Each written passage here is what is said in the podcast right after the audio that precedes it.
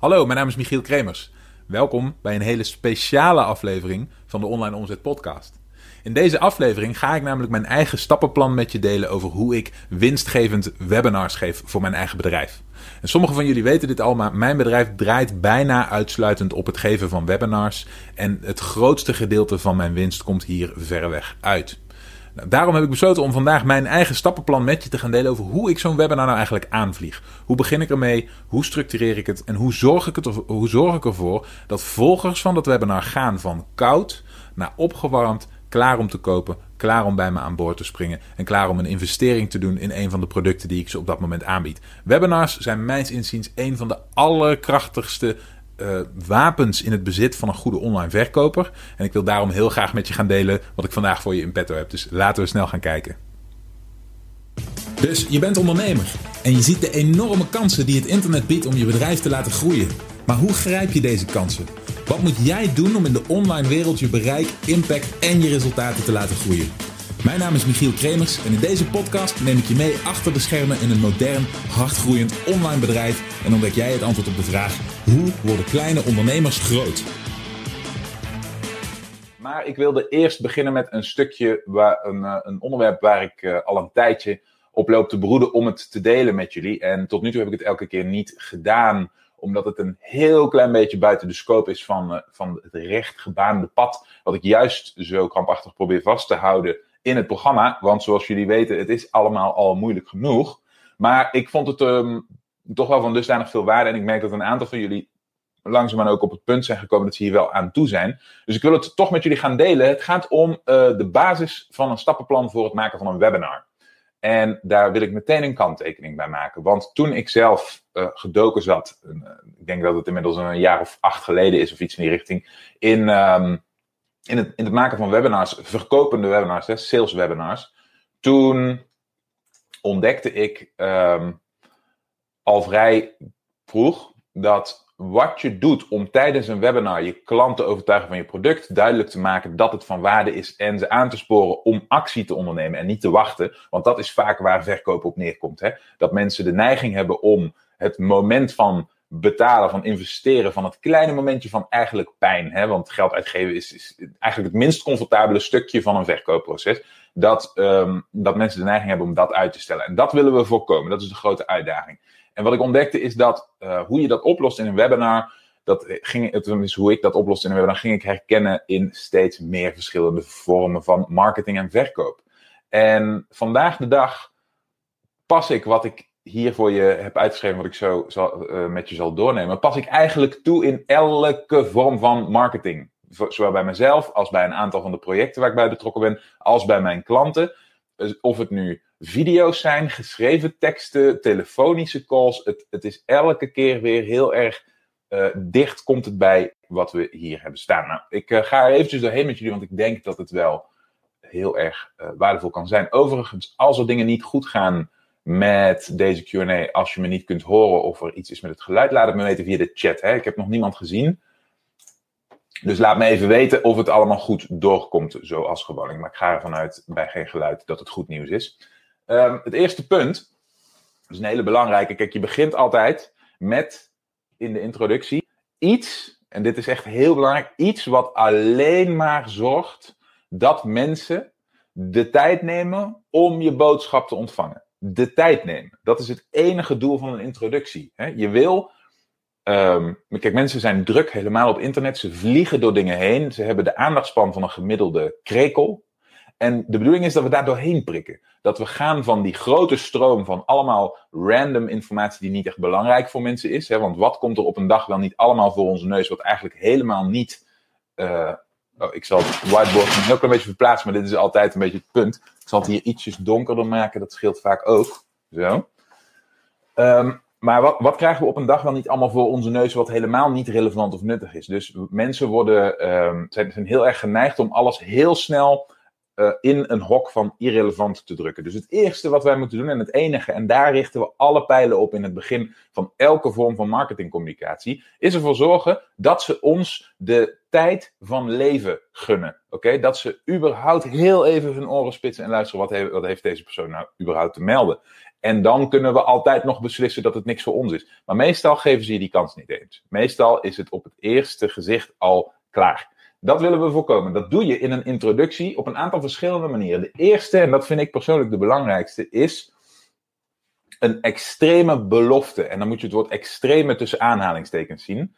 Maar een extreme belofte is eigenlijk dat je uh, aangeeft dat als mensen jouw stukje communicatie, of het nu een webinar of een video of een, een salescript of wat dan ook is, als ze daarbij blijven of lezen, als ze dat consumeren, dat ze iets gaan krijgen van je wat ze bijna niet voor mogelijk houden. Wat, ze, wat, wat wel dusdanig waardevol is en dusdanig fijn is en dusdanig positief is, dat, ze, dat het bijna een no-brainer wordt om, om het niet te doen. dus dat het zo logisch wordt dat het een klein beetje tijd waard is om daar wat meer over te, hoor, te horen. Dat, je, dat, het geen, dat er geen discussie meer is in het hoofd van die consument, in het hoofd van die luisteraar. En die extreme belofte kan van alles zijn. Een voorbeeldje, stel je hebt een, een gezondheidspraktijk of iets in die richting. Uh, dan zou je belofte kunnen zijn. Um, in, dit, in dit webinar, wat maximaal drie kwartier zal duren, leer je dat je lichaam een vetvarbrandingsstand heeft die je aan kunt zetten. Oké? Misschien hebben jullie allemaal wel eens gehoord van ketose. Nou, dat, zoiets. Hè? Je, gaat, je gaat niet zeggen je leert ketose, want dat klinkt niet speciaal. Maar als je zegt, hé, hey, je leert een vetverbrandingsstand van je lichaam aanzetten. Oké, dat klinkt als hey, dat is interessant. Of ik het nu geloof of niet, ik wil er op zijn minst heel even iets meer over horen. Hoe gaat, hoe gaat, die, hoe gaat die persoon dat dan aanvliegen? Of, stel dat je, hè, voorbeeld dat ik vaker gebruik, stel dat je een, uh, een rugklachtspecialist bent, een fysiotherapeut die, zich, uh, die, die een rugklachtenoplossing heeft, of die daar veel mee te maken heeft, dan kun je iets zeggen als, hey, in dit webinar van maximaal een uur ga je ontdekken hoe jij door twee hele eenvoudige aanpassingen voor de, van de manier waarop je nu zit, nu op dit moment, en dat herkennen mensen natuurlijk meteen, want ze zitten als ze dit meekrijgen, ervoor kunt zorgen dat je onderrugpijn verdwijnt. Oké? Het enige wat je hoeft te doen is even aanwezig blijven. Oké, dat is die extreme belofte. Hè? Iets in die richting, wat in de ogen van die doelgroep, hè, wat relevant is voor het onderwerp en wat in de ogen van de doelgroep waardevol genoeg is om het op zijn minst een kans te geven. Oké, zo ver moet je dus gaan. En dat is vaak een klein beetje oncomfortabel, want wij komen uit een, uh, een samenleving waarin we alles nuanceren. En dan vallen wij Nederlanders nog mee hoor. Dus wij Nederlanders zijn, uh, zijn, zijn nog wel vrij, vrij direct, maar nuanceren, eh, ook hier en, en in de rest van de wereld al helemaal, is echt een, een probleem. En is voor marketers is het de dood. Voor verkopende partijen, als je jezelf gaat nuanceren, dan is het einde in zicht. Dus je wil er geen, um, je wil niet beat around the bush. Je wil recht to the point komen daarbij. En dan geef je mensen een reden om te blijven. Oké? En een reden om te blijven, dat kan van alles zijn, maar dat meestal verpak ik dat op een manier van. En als je blijft tot het einde van dit webinar, dan krijg je van mij puntje, puntje, puntje. Oké? En ik heb in het verleden allerlei verschillende dingen gedaan uh, als belofte van dingen die mensen krijgen als ze bleven. Een voorbeeld kan zijn een, uh, een gratis reader een gratis checklist, een gratis cadeautje. Maar ook bijvoorbeeld, ik heb een tijdje geleden eens een keer een tour van mijn kantoor gedaan. Omdat een aantal mensen heel, heel benieuwd waren op wat voor een plek ik nou eigenlijk werkte. Dat, toen zat ik nog niet hier, toen zat ik in een, in een daadwerkelijk groter kantoor. En dat wilden mensen zien. Nou, prima. Dat kan een belofte zijn. Hè? Stel dat jij een, um, een, een, een, een, voedseldeskundige bent, voedingscoach of uh, diëtist of iets in die richting bent. Dan kun je zeggen, oké, en als je tot het einde blijft, Oké, dan ga ik live voor je neus, voor de camera, mijn ontbijt voor je klaarmaken, zodat je ziet hoe dat moet. Zo simpel kan het zijn. nogmaals, dit zijn allemaal dingen die in de ogen van die doelgroep waardevol zijn. Volgende punt, heel belangrijk, maar we gaan door die intro nu even snel heen, is de aandacht opeisen. Dat mag gewoon. De aandacht opeisen vergeten veel mensen. Maar als je een serieuze boodschap gaat communiceren, dan is een van de belangrijkste pijlers waarop mensen uh, eiken of jij wel serieus bent, is of je jezelf serieus neemt. En als jij niet de aandacht durft op te eisen, dus dingen zeggen als: jongens, ik wil dat jullie nu even zorgen dat er nog maar één tabblad aanstaat, namelijk dit tabblad. als je niet dingen zegt als zet je telefoon uit, want ik herhaal de dingen niet, ook niet als je het vraagt en dan komt geen replay. Dan, dan eh, kun je als luisteraar of consument of, of kijker niet missen dat die persoon zichzelf serieus neemt. Oké? Of die zichzelf dan te serieus neemt, is aan jou. maar hij neemt zich serieus. Daar kun je gewoon niet omheen. Oké? Dus dat is belangrijk om te doen. En, en, ook hiervoor zijn veel mensen bang. Hè? Ze zijn bang om een zetje te geven tegen mensen. Bang om ze tegen de schenen te stoten. Bang om als te fel of wat dan ook uh, bestempeld te worden. Bang dat er iemand überhaupt kritiek op ze heeft. En dat, dat herken ik en dat beaam ik. En dat is ook spannend. Helemaal als je dat zingen voor het eerst doet. Maar echt waar, je moet het doen om ervoor te zorgen dat de rest werkt. Volgende punt is jezelf kwalificeren. Mag niet uitblijven. Je moet onderbouwen waarom iemand naar jou zou moeten luisteren over het desbetreffende onderwerp. Dus als jij het gaat hebben over, uh, over voeding, of over gezonder leven, of als het gaat hebben over rugklachten, of als het gaat hebben over um, uh, belastingen en, uh, en, en, fiscale kwesties, of als je het gaat hebben over productiviteit, of als het gaat hebben over sport, of maakt niet uit. Hè? Je moet uitleggen waarom jij een partij bent waar, die daar verstand van heeft. Waar men dus naar zou mogen luisteren over dit onderwerp. En dat moet je onderbouwen. Dus je moet uitleg geven over het feit dat je veel ervaring hebt. Over het feit dat je zelf bepaalde uh, uitdagingen uh, gerelateerd aan dat onderwerp hebt overwonnen. Dat moet je doen. Als je dat niet doet, dan gaat op een gegeven moment er een, een, een uitroeptekentje omhoog in het hoofd van die, die kijker. En die denkt, ja maar wacht eens even, wie, wie, is, die, wie is die kerel? Of wie is die dame? waarom zit ik hier eigenlijk naar te kijken? Klik weg. En klik weg gaat heel snel, hè? Klik weg. We kennen hem allemaal. Op verdwenen. En daar moet je, daarom, daarom is dat die intro met meerdere punten echt een heel ding. Het is een derde van wat je hier ziet, eigenlijk een vierde, maar die laatste is wat minder belangrijk. Maar die, die, grote, die drie grote onderdelen, daar is die intro echt een waardevol onderdeel van. En die moet je serieus nemen. Laatste punt, future pacing.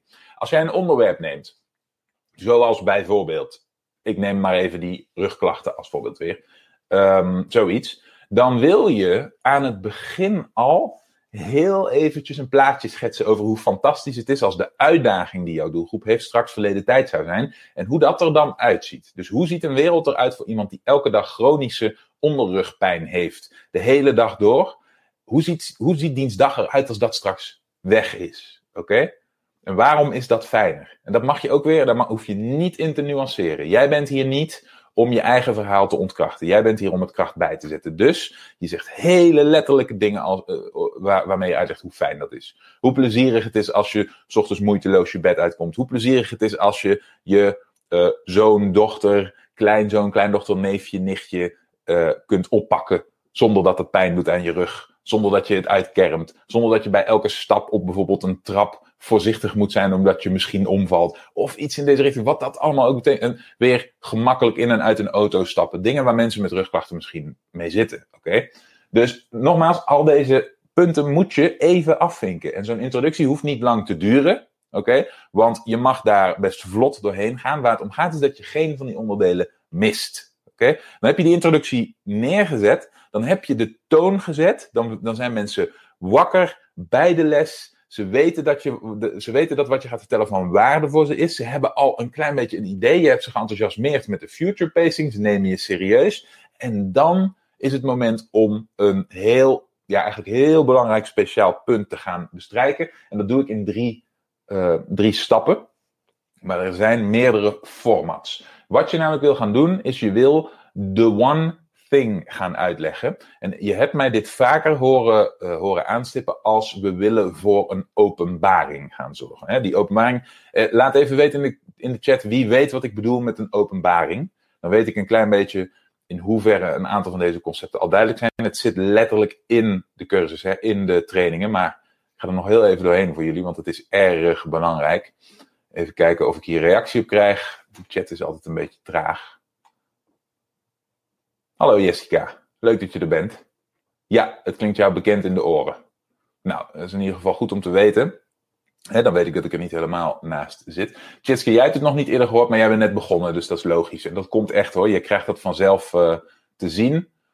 Berend, uh, jij bent natuurlijk ook net begonnen, dus jij krijgt hem ook uh, voor het eerst mee nu. Froa, jij herkent hem wel. Nou, hartstikke goed. Weet je, dan ga ik er gewoon nog even doorheen. Die openbaring is mogelijk het allerbelangrijkste, Marco ook net begonnen. Oké, nou mooi, want dan weet ik dat ik er even een, eh, een onderstreping bij kan doen.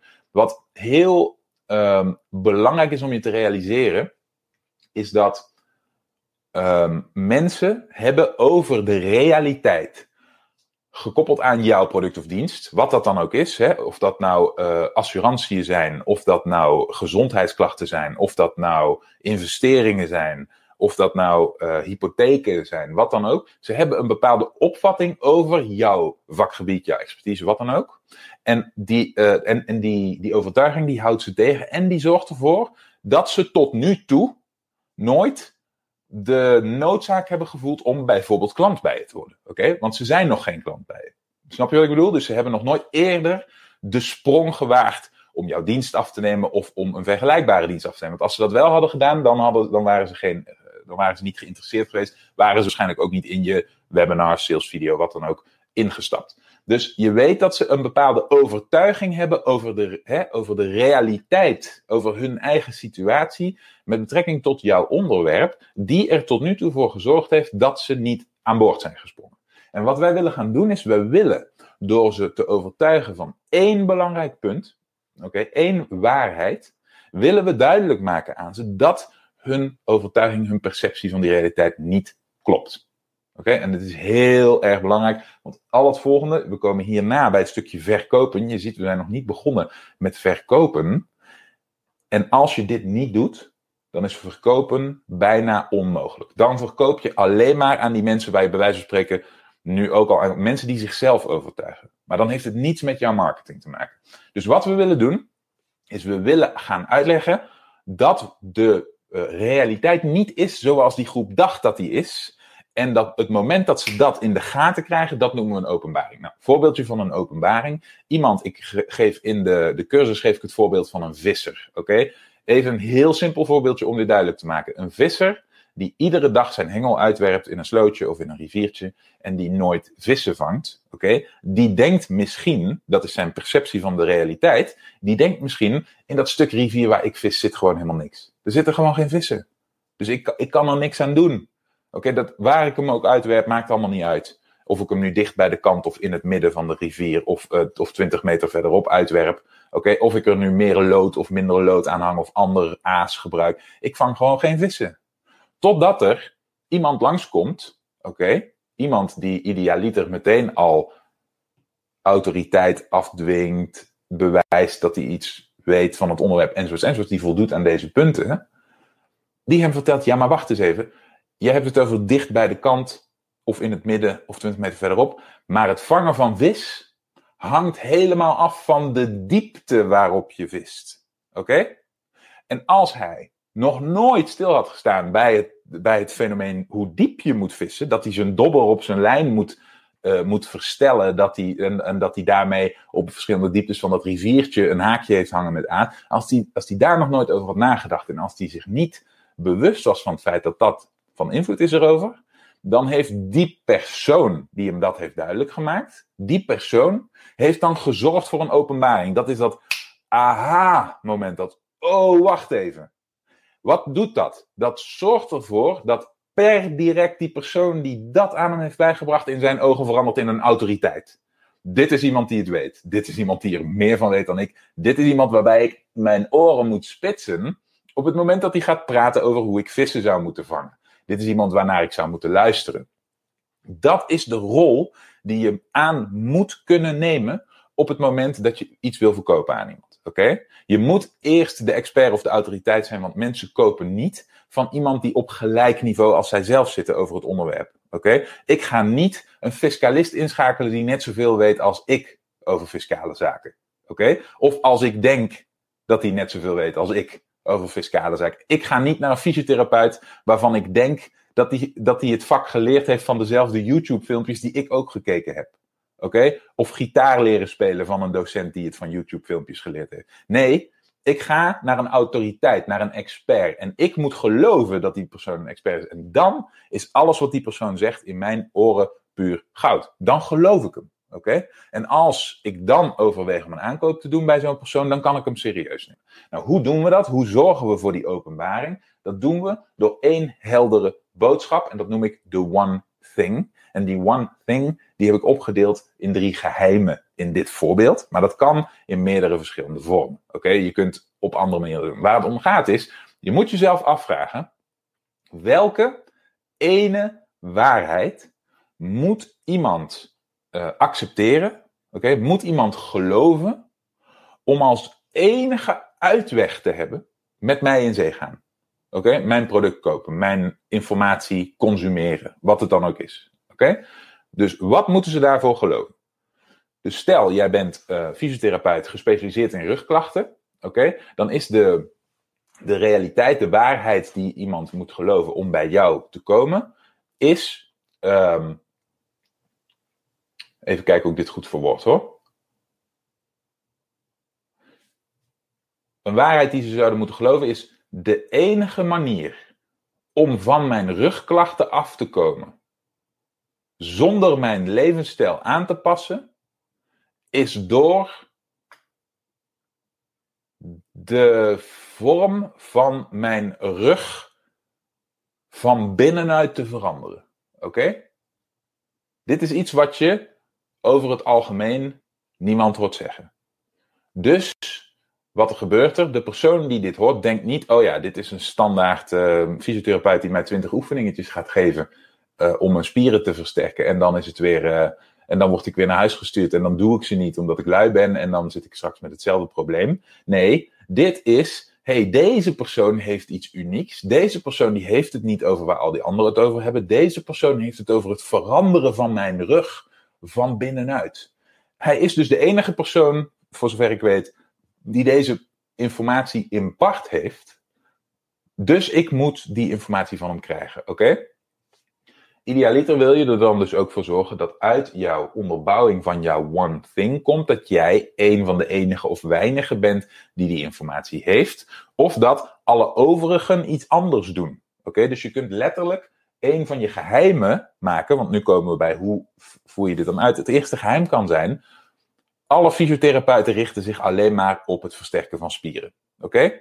Dus als jij wil duidelijk gaan maken aan jouw doelgroep dat hun probleem niet opgelost wordt door het versterken van spieren, maar door het veranderen van hun rug van binnenuit. Door het veranderen van de vorm van hun rug van binnenuit. Oké? Stel dat dat is wat je duidelijk wil maken.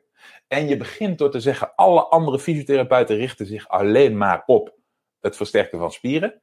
Welke conclusie trekt die persoon dan, die luisteraar? Die trekt de conclusie: oké, wacht even. Dus, even los van of ik geloof dat dit werkt of niet. Als ik dat geloof, dan moet ik bij hem zijn. Want alle anderen doen alleen maar spierversterking. Dat is het eerste wat hij doorheeft. Oké?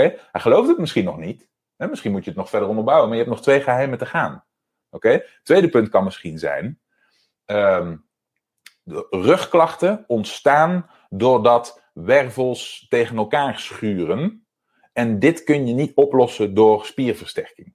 Oké? Dit kun je niet oplossen door spierversterking. Dit kun je alleen maar oplossen door de vorm te veranderen, zodat die wervels van elkaar afkomen. Ik weet niet waarom ik zo los ga altijd op rugklachten, maar ik vind het een lekker makkelijk voorbeeld. Dus, nogmaals, jouw tweede geheim kan zijn: rugklachten verdwijnen niet door spierversterking. Oké, en dan kun je in dat onderdeel de tijd nemen om uit te leggen dat het te maken heeft met die wervels. Dat hele verhaal kun je daar vertellen. Oké, en als derde kun je zeggen: het veranderen van je rug van binnenuit, oké, kan binnen drie weken of iets in die richting. Waar spierversterking, eh, eh, en daarna ben je er klaar mee. En spierversterking moet je de rest van je leven aan blijven werken, want anders verslapt het weer. Oké, dan heb je drie geheimen gehad die allemaal hebben bijgedragen aan je one thing. Aan dat ene ding wat ze moeten geloven om logischerwijs bij jouw klant te moeten worden om die oplossing tot zich te krijgen. Oké? Is dit een beetje duidelijk tot zover? Want dit is die openbaring, die one thing, die is heel belangrijk. Net zoals dat die visser als openbaring meekreeg dat vis overal in zijn riviertje zit, maar op een andere diepte. Zo krijgt deze persoon met die rugklachten mee dat zijn rugklachten weliswaar over kunnen gaan, maar niet door spierversterking. En dat er een andere oplossing is, namelijk die rugvorm veranderen van binnenuit. Als je dit hebt gedaan, en je hebt dit goed gedaan, oké, dus je hebt iemand gepreframed voor het luisteren naar jou als autoriteit, voor het nemen van de tijd van deze informatie, en je hebt hem gepreframed op het feit dat jij een oplossing hebt waar hij zelf nog nooit aan gedacht had. Dat het eigenlijk niet werkt zoals hij dacht. Dat zijn realiteit niet klopte en hem een openbaring hebt laten ervaren, dan kun je overgaan naar, hey, ik heb iets voor je. Oké, maar voor die tijd, als jij ergens hier al begint met, oh, ik heb iets voor je, ik heb een product, kost zoveel geld, dan denken ze, ja, oké, dat is leuk. Jij wil dus alleen maar iets aan mij verkopen en daar heb ik geen tijd voor. Daar heb ik geen zin in. Dat wil niet zeggen dat ik geen interesse heb in, in het onderwerp, hoor. Maar dat is, dat is niet waarvoor ik hier kom. Ik ben ingestapt omdat jij mij beloofde iets interessants te gaan vertellen over een probleem dat ik ervaar. En daar heb je nu aan voldaan. Die openbaring zorgt ervoor dat ze verzadigd zijn wat, wat betreft die belofte. Oké? Daar heb je aan voldaan. Dan kom je bij het onderdeel verkoop. En dan kun je gaan zeggen, nou oké, wat ik hier heb behandeld voor je, daar heb ik jarenlang ervaring mee. Daar heb ik een oplossing voor ontwikkeld. stel dat jij een, uh, een, fiscalist bent, dan kun je zeggen, nou, er zijn een aantal fouten die structureel plaatsvinden. En dat heeft helemaal niets te maken met boekhouden, want boekhouden is helemaal niet moeilijk. Maar je moet deze drie gouden regels in acht nemen. En die gouden regels, die, uh, die, die leert niemand je en die leer ik je als enige enzovoort. enzovoort. Dit soort dingen kun je hierin verwerken. Wat je vakgebied ook is, je moet uit kunnen leggen waarom mensen, uh, waarom de perceptie van de werkelijkheid van mensen niet klopt op dit moment. Oké? Want als die perceptie van de werkelijkheid wel klopte, dan waren ze al klant geworden. Dus je moet je altijd afvragen, en dat is de kern van hoe je dit bouwt. Ik heb een product of ik ben aanwezig in een markt. Ik benader mensen die dus nog geen klant zijn, anders zouden ze geen onderdeel meer zijn van die markt. Oké? Waarom zijn die mensen nog geen klant? Waarom hebben die mensen dat nog niet gedaan? En het antwoord daarop zet je op het spoor van het uitwerken van deze punten. Oké? Heel erg belangrijk. Cathy, dit is helemaal duidelijk. Ik weet alleen niet hoe ik dit principe zou moeten toepassen voor mijn dienst. Nee, Cathy, dat is ook de uitdaging. Hè? De vertaalslag maken van dit soort theorieën naar je eigen product of dienst is waar jouw tijd en energie, jouw denk tijd in moet gaan zitten. Dus als jij gaat werken aan dit programma en je start de, de programmaomgeving op en je gaat door een les heen, bijvoorbeeld die van de openbaring, dan is je uitdaging daarna om dat brein van je te laten kraken, om tot een aantal mogelijkheden te komen die hieraan voldoen, en die dan te gaan testen. Oké, daar zit je werk in. Het werk is niet zozeer die video's kijken. Het werk is niet zozeer een, een, tool, software tooltje koppelen aan iets anders. Nee, het werk zit dit, in dit soort dingen doorgronden en vertalen naar je eigen markt. Oké? Volgende punt, hè, bij dat verkopen. Als je dit goed hebt gedaan, dan is het eerste wat je wil doen. En jongens, hou nog even vast, want nu komen er nog een aantal hele belangrijke dingen. Het eerste wat je moet doen om succesvol te verkopen, is ervoor zorgen dat je product ook echt een product is. Je moet je, je, moet je dienst of hetgene wat waarde is wat je aanbiedt, productizen. Wat is een eigenschap van een product? Iets waar ik toch zo ontzettend veel, vooral dienstverleners, maar niet alleen dienstverleners, ook verkopers van allerlei andere tastbare dingen, uh, de mist mee in zich gaan. Ze, ze, ze, ze productizen wat ze hebben niet. In andere woorden, ze kunnen het niet eens een naam geven. Oké? Dus toevallig had ik gisteren een diëtist aan de telefoon. Dan vraag ik, wat verkoop je? Dan zegt ze, nou, ik had toch al gezegd dat ik diëtist ben? Ja, dan, uh, dan zakt de moed me al in de schoenen. Dan ga ik al zuchten bijna. Snap je? Als jij diëtist bent, dan verkoop jij niet diëtist. En mensen zitten niet te wachten op diëtist en mensen zitten ook niet te wachten op, zeg maar, consult bij diëtist. Nee, mensen willen heel concreet iets kopen, een resultaat kopen. En we willen, oké, we willen een dienst of een stukje waarde of een tastbaar product, willen we op zo'n manier communiceren naar mensen dat ze dat snappen. Oké, dat het dat concrete resultaat aan zich geeft. Dus een diëtist verkoopt niet consult. Nee, een diëtist verkoopt het 14 weken plan om 7,5 kilo kwijt te raken. Oké? Uh, de vijf stappen formule om je gezonde huid uh, weer te laten stralen zonder acne, puistjes of oneffenheden. Oké? De feilloze formule voor het besparen van 40% van je belastingkosten. Nee, weet ik veel. Ik, ik zeg maar wat. Snap je wat ik bedoel? Dat is het productizen van wat je levert. Dat is wat mensen willen kopen. Dat koppel je per direct aan het resultaat wat ze gaan krijgen van je. Oké, het is zo gevaarlijk om te zeggen: Nou, ik ben fiscalist. Dus uh, dat betekent allerlei dingen. Dus kom maar bij mij, dan ga ik het je allemaal wel vertellen. Nee, mensen komen daar niet voor. Mensen komen niet voor vage concepten. Je wil een product verkopen. En dan, als je dat hebt gedaan, dan is een van de belangrijkste punten die je, de stappen die je zet, is de inhoud van jouw product opdelen in onderdelen. Dit moet je doen. Want mensen zijn, daar moet ik er wel bij vertellen, mensen zijn van zichzelf heel erg slecht, en dit zul je herkennen, in het bepalen van waarde. Oké? Je moet maar eens een. Uh, als, als, als een van de, van de autofabrikanten van de wereld een nieuw model maakt. Hè? En ze trekken er het merkje vanaf. En ze trekken er een paar van de meest herkenbare dingen vanaf. En ze strippen hem een beetje. En ze zetten de kale wagen. Oké? zetten ze voor jouw neus. In een beetje een neutrale kleur. Grijs of zo. Oké? Kun jij dan zeggen wat die kost? Nou, ik kan je met mijn hand op mijn hart beloven dat je dat niet kunt. Niet echt. Oké? Mensen kunnen niet goed inschatten wat iets waard is, wat een product waard is. En nog veel moeilijker wat een dienst waard is. En nog veel moeilijker wat een digitale dienst waard is. Want als puntje op plaats komt, stel dat je een videocursus opneemt, wat een aantal van jullie willen. Oké, heel verstandig, ben ik groot voorstander van. Maar dan moet je dit begrijpen. Want als jij alleen maar kunt zeggen, je krijgt 12 video's, dan denken mensen, ik krijg 12 video's. Wat zijn 12 video's nou waard? Ik kan ook YouTuben. Snap je? Het communiceren van de waarde van je product is waar heel veel van afhangt. Dus eerst moet je er überhaupt een product van maken. En dat doe je voor een heel groot gedeelte met de manier waarop, waarop je het een naam geeft, waarop je het benoemt. En vervolgens de indeling ervan. Dus je zegt, oké, ik, heb ik heb het vijf weken plan om 7,5 kilo uh, af te vallen. Uh, zonder minder te hoeven eten en uh, met, met een toetje na iedere maaltijd. Ik zeg maar wat. Oké? Stel dat je dat als product hebt, en dat is de titel, dan deel je dat op in een aantal onderdelen. En het eerste onderdeel daarvan zou kunnen zijn gezonde, om, gezonde ontbijtjes die ook nog lekker smaken. Oké, gezonde ontbijtjes die ook nog lekker smaken. Deel 1. Oké? Vervolgens kun je uit gaan leggen waarom er in jouw onderdeel over gezonde ontbijtjes die ook nog lekker smaken, daadwerkelijk informatie zit die die persoon zelf niet heeft. Oké, je moet uitleggen waarom dat speciaal is. En je moet dat continu koppelen aan het resultaat wat die klant wil. Want wat wil die klant? Die wil die 7,5 kilo kwijt. Liefst zonder iets te hoeven doen. Dus je wil onderstrepen, hey, die gezonde ontbijtjes die ook nog lekker smaken, oké, die geven jou het gevoel dat je ochtends kunt eten wat je wil als je een ochtendeter bent. Oké, maar je valt ervan af, of je, je komt er niet van aan, geen grammetje. Oké, en ze zijn ook nog heel erg goed voor je. En er zitten, nou ja, speciale ingrediënten in en noem het maar op. Daar maak je als kenner een, een prachtig verhaal van. Want jij weet dat. Want dat is jouw expertise. Dus jij kunt daar iets nuttigs over vertellen. Het is belangrijk dat je dat doet. En dan, en dat kun je, pardon, dit kun je echt niet overslaan. Het staat hier heel klein achter. Moet je de waarde vertalen. Ik weet niet of het leesbaar is, daarom ga ik er doorheen. De waarde vertalen. Dus jouw eerste onderdeel was uh, gezonde ontbijtjes die ook nog lekker smaken.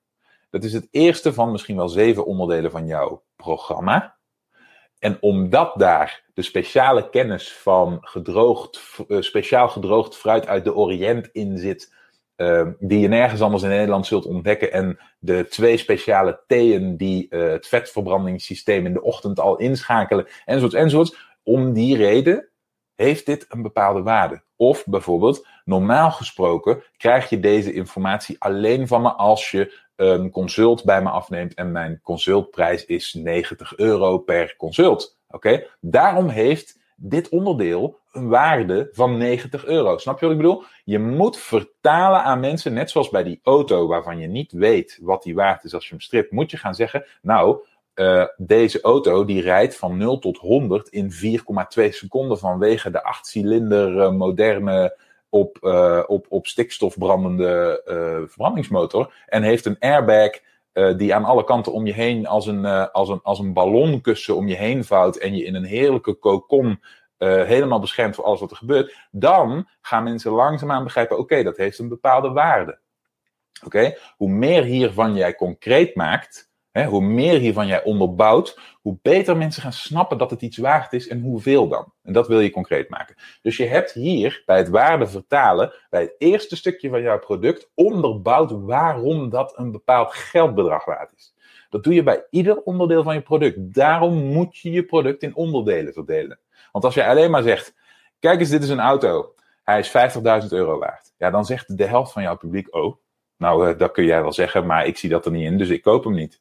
Al zou ik het hebben. Hè? Als, als ik 50.000 euro op mijn rekening heb en ik wil een auto gaan kopen en jij laat mij dat ding zien, dan ben ik niet overtuigd dat die 50.000 euro waard is. Dus maak er maar een beter verhaal van. Nou, dat is wat we hier doen. Tweede onderdeel van jouw, uh, jouw, jouw formule om 7,5 kilo kwijt te raken in vijf weken kan zijn de, uh, de speciale uh, sedentaire vetverbrandingsgeheimen. Hoe je vet verbrandt als je stil zit.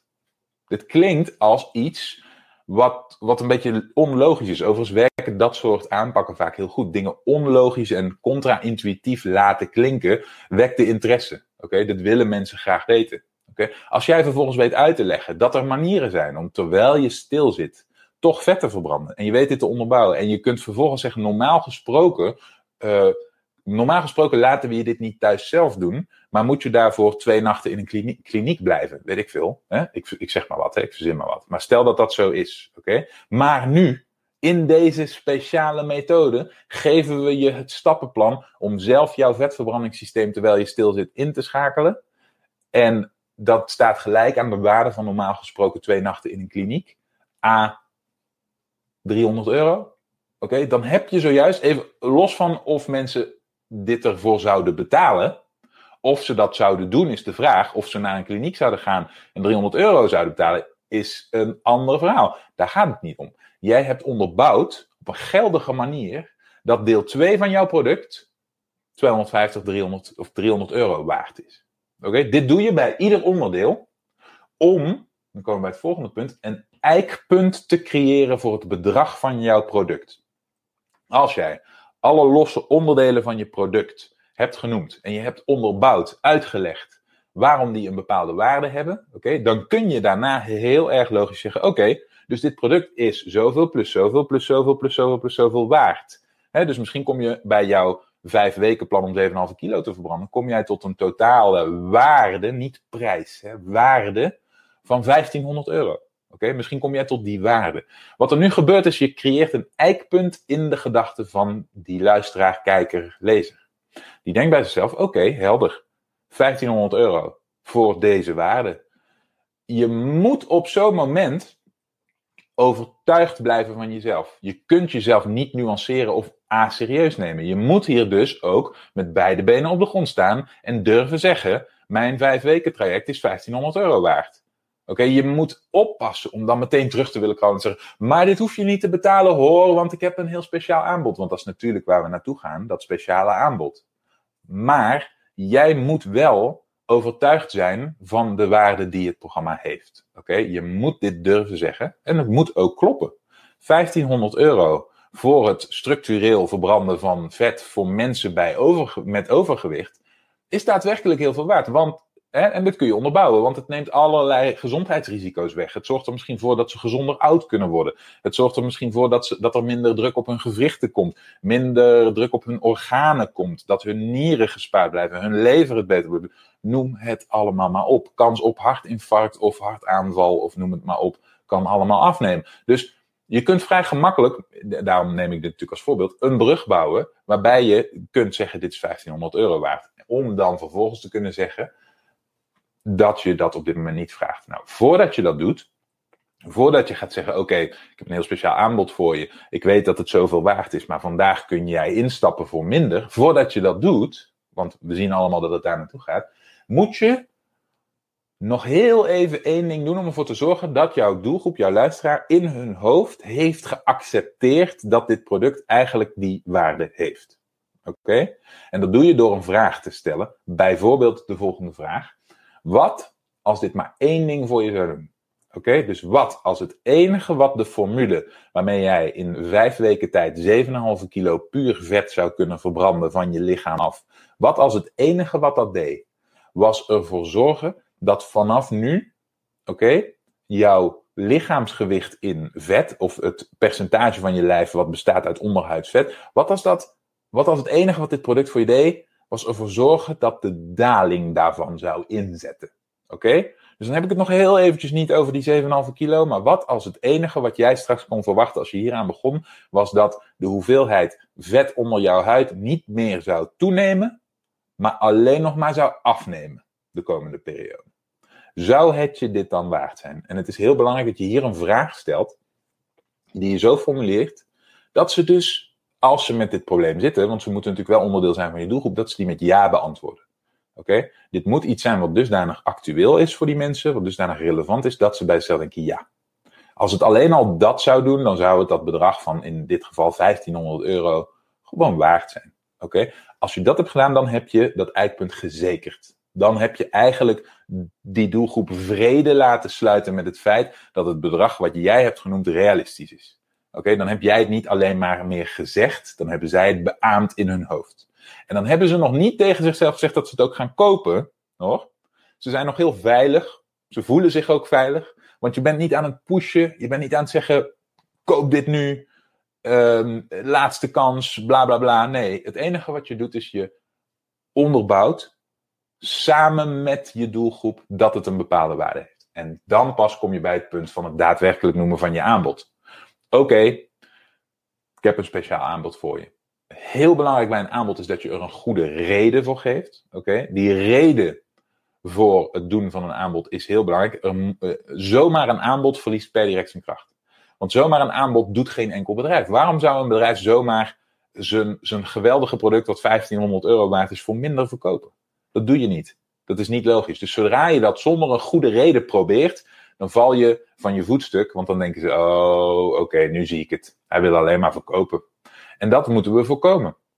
We willen niet dat mensen het idee krijgen dat het draait omdat jij iets verkoopt, maar dat het draait omdat je vandaag iets heel speciaals hebt voor ze. En een goede reden is niet zo heel erg moeilijk te formuleren. Je kunt het hebben over dingen als we lanceren dit product en willen heel graag de positieve ervaringen van de eerste groep deelnemers binnenhalen. Oké, om te laten zien aan de wereld hoe krachtig dit is. Oké, dat kan een reden zijn. Het kan ook zijn, we, uh, we bestaan zoveel jaar en we hebben de afgelopen tijd uh, de, de kosten van het ontwikkelen van dit programma al terugverdiend. Dus nu willen we graag dat zoveel mogelijk mensen hier, uh, hier profijt van gaan ervaren. En daarom hebben we de prijs verlaagd. Wat het ook is, het moet geldig zijn. Het moet logisch klinken in de oren van de ontvanger. Ze moeten er geen vraagtekens bij stellen. Als je dat doet, dan kun je vervolgens dat hoge eikpunt, dat hoge bedrag, kun je omlaag brengen. Nou, wat je wil proberen, idealiter, maar dit zijn richtlijnen en geen wetten, is je wil proberen om een waarde op te bouwen bij het opzommen van de onderdelen van je product tot ongeveer een tienvoud van wat je daadwerkelijk wil vragen. Om vervolgens op het moment dat je het daadwerkelijke bedrag noemt, een tiende als prijs te noemen van wat je had opgebouwd. Maar dit, kan, dit ligt eraan, hè, want voor sommige, uh, sommige, sommige niches, sommige markten is dat niet realistisch. Soms wil je uh, soms wil je de helft bijvoorbeeld doen, of soms wil je 20% korting, of soms wil je een derde. Dat ligt er een beetje aan, daar moet je mee spelen. En dat moet, dat, dat moet, daar ben je ook in afhankelijk van je eigen uh, gevoel. Oké? Je moet ook jezelf overtuigen met je eigen boodschap. Dus als je bij jezelf denkt, ja, wat ik hier nu heb staan, ik zou het zelf nooit geloven, nou, dan is het dus niet goed. Oké? Je moet het goed onderbouwen. En dan als laatste, laatste punt, want dan ben ik hier wel lang genoeg mee bezig geweest, is dat noemen we closen. En closen is eigenlijk als je iemand rationeel helemaal hebt overtuigd van dit verhaal.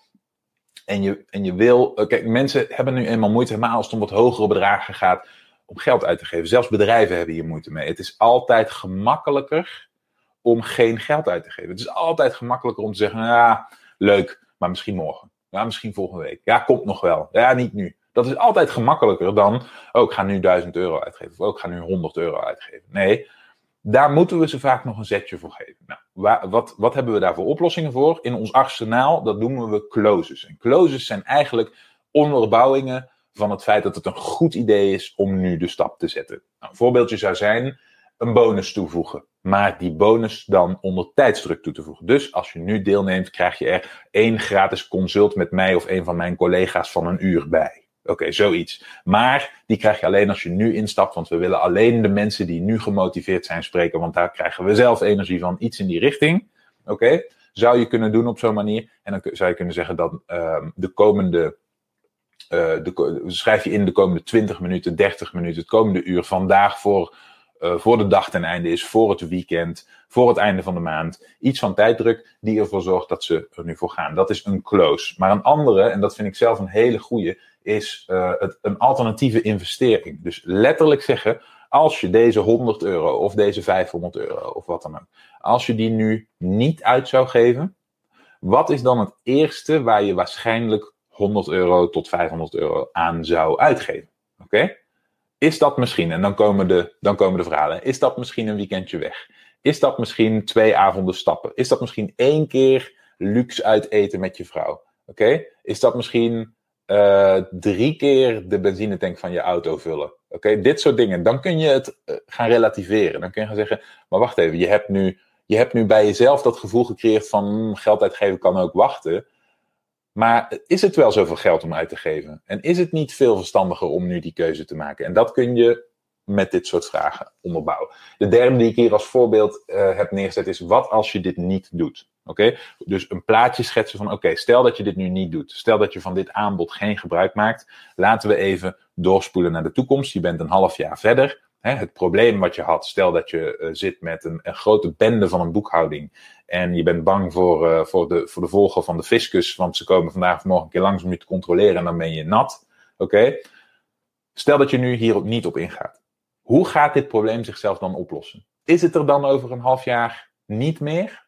Oké, waarom is het er dan? Wat ga je dan doen? Oké. Is het dan niet zo dat je nog drie weken gaat zitten kniezen en dan toch tot de conclusie komt dat je iemand nodig hebt? Dus kun je dan niet beter ingaan op dit geweldige boekhoudsoftware slash consultancy pakket wat je zojuist hebt onderbouwd? Dit is in zijn geheel hoe je een verkoop webinar, een salesgesprek, een sales letter, een sales video opbouwt. De, okay, het zijn allemaal belangrijke onderdelen. Maar het belangrijkste hiervan, alles staat of valt met die enkele heldere boodschap. De one thing, dat ene ding wat ze moeten geloven. Oké, om klant bij jou worden als de enige logische uitweg te behouden. Oké, dat doe je met een openbaring die openbaring, ik, ik weet, ik, ik heb het er regelmatig over, dat dat is waar je marketing mee staat of valt. Echt heel belangrijk Bedankt voor het luisteren. Heb je iets aan deze aflevering gehad of heb je een vraag? Laat het me weten via de comments. En vergeet niet te abonneren. Dan blijf je op de hoogte van alle tips en strategieën waarmee jij als moderne ondernemer groot kunt worden. Voor een overzicht van alle afleveringen ga je naar onlineomzet.com/podcast.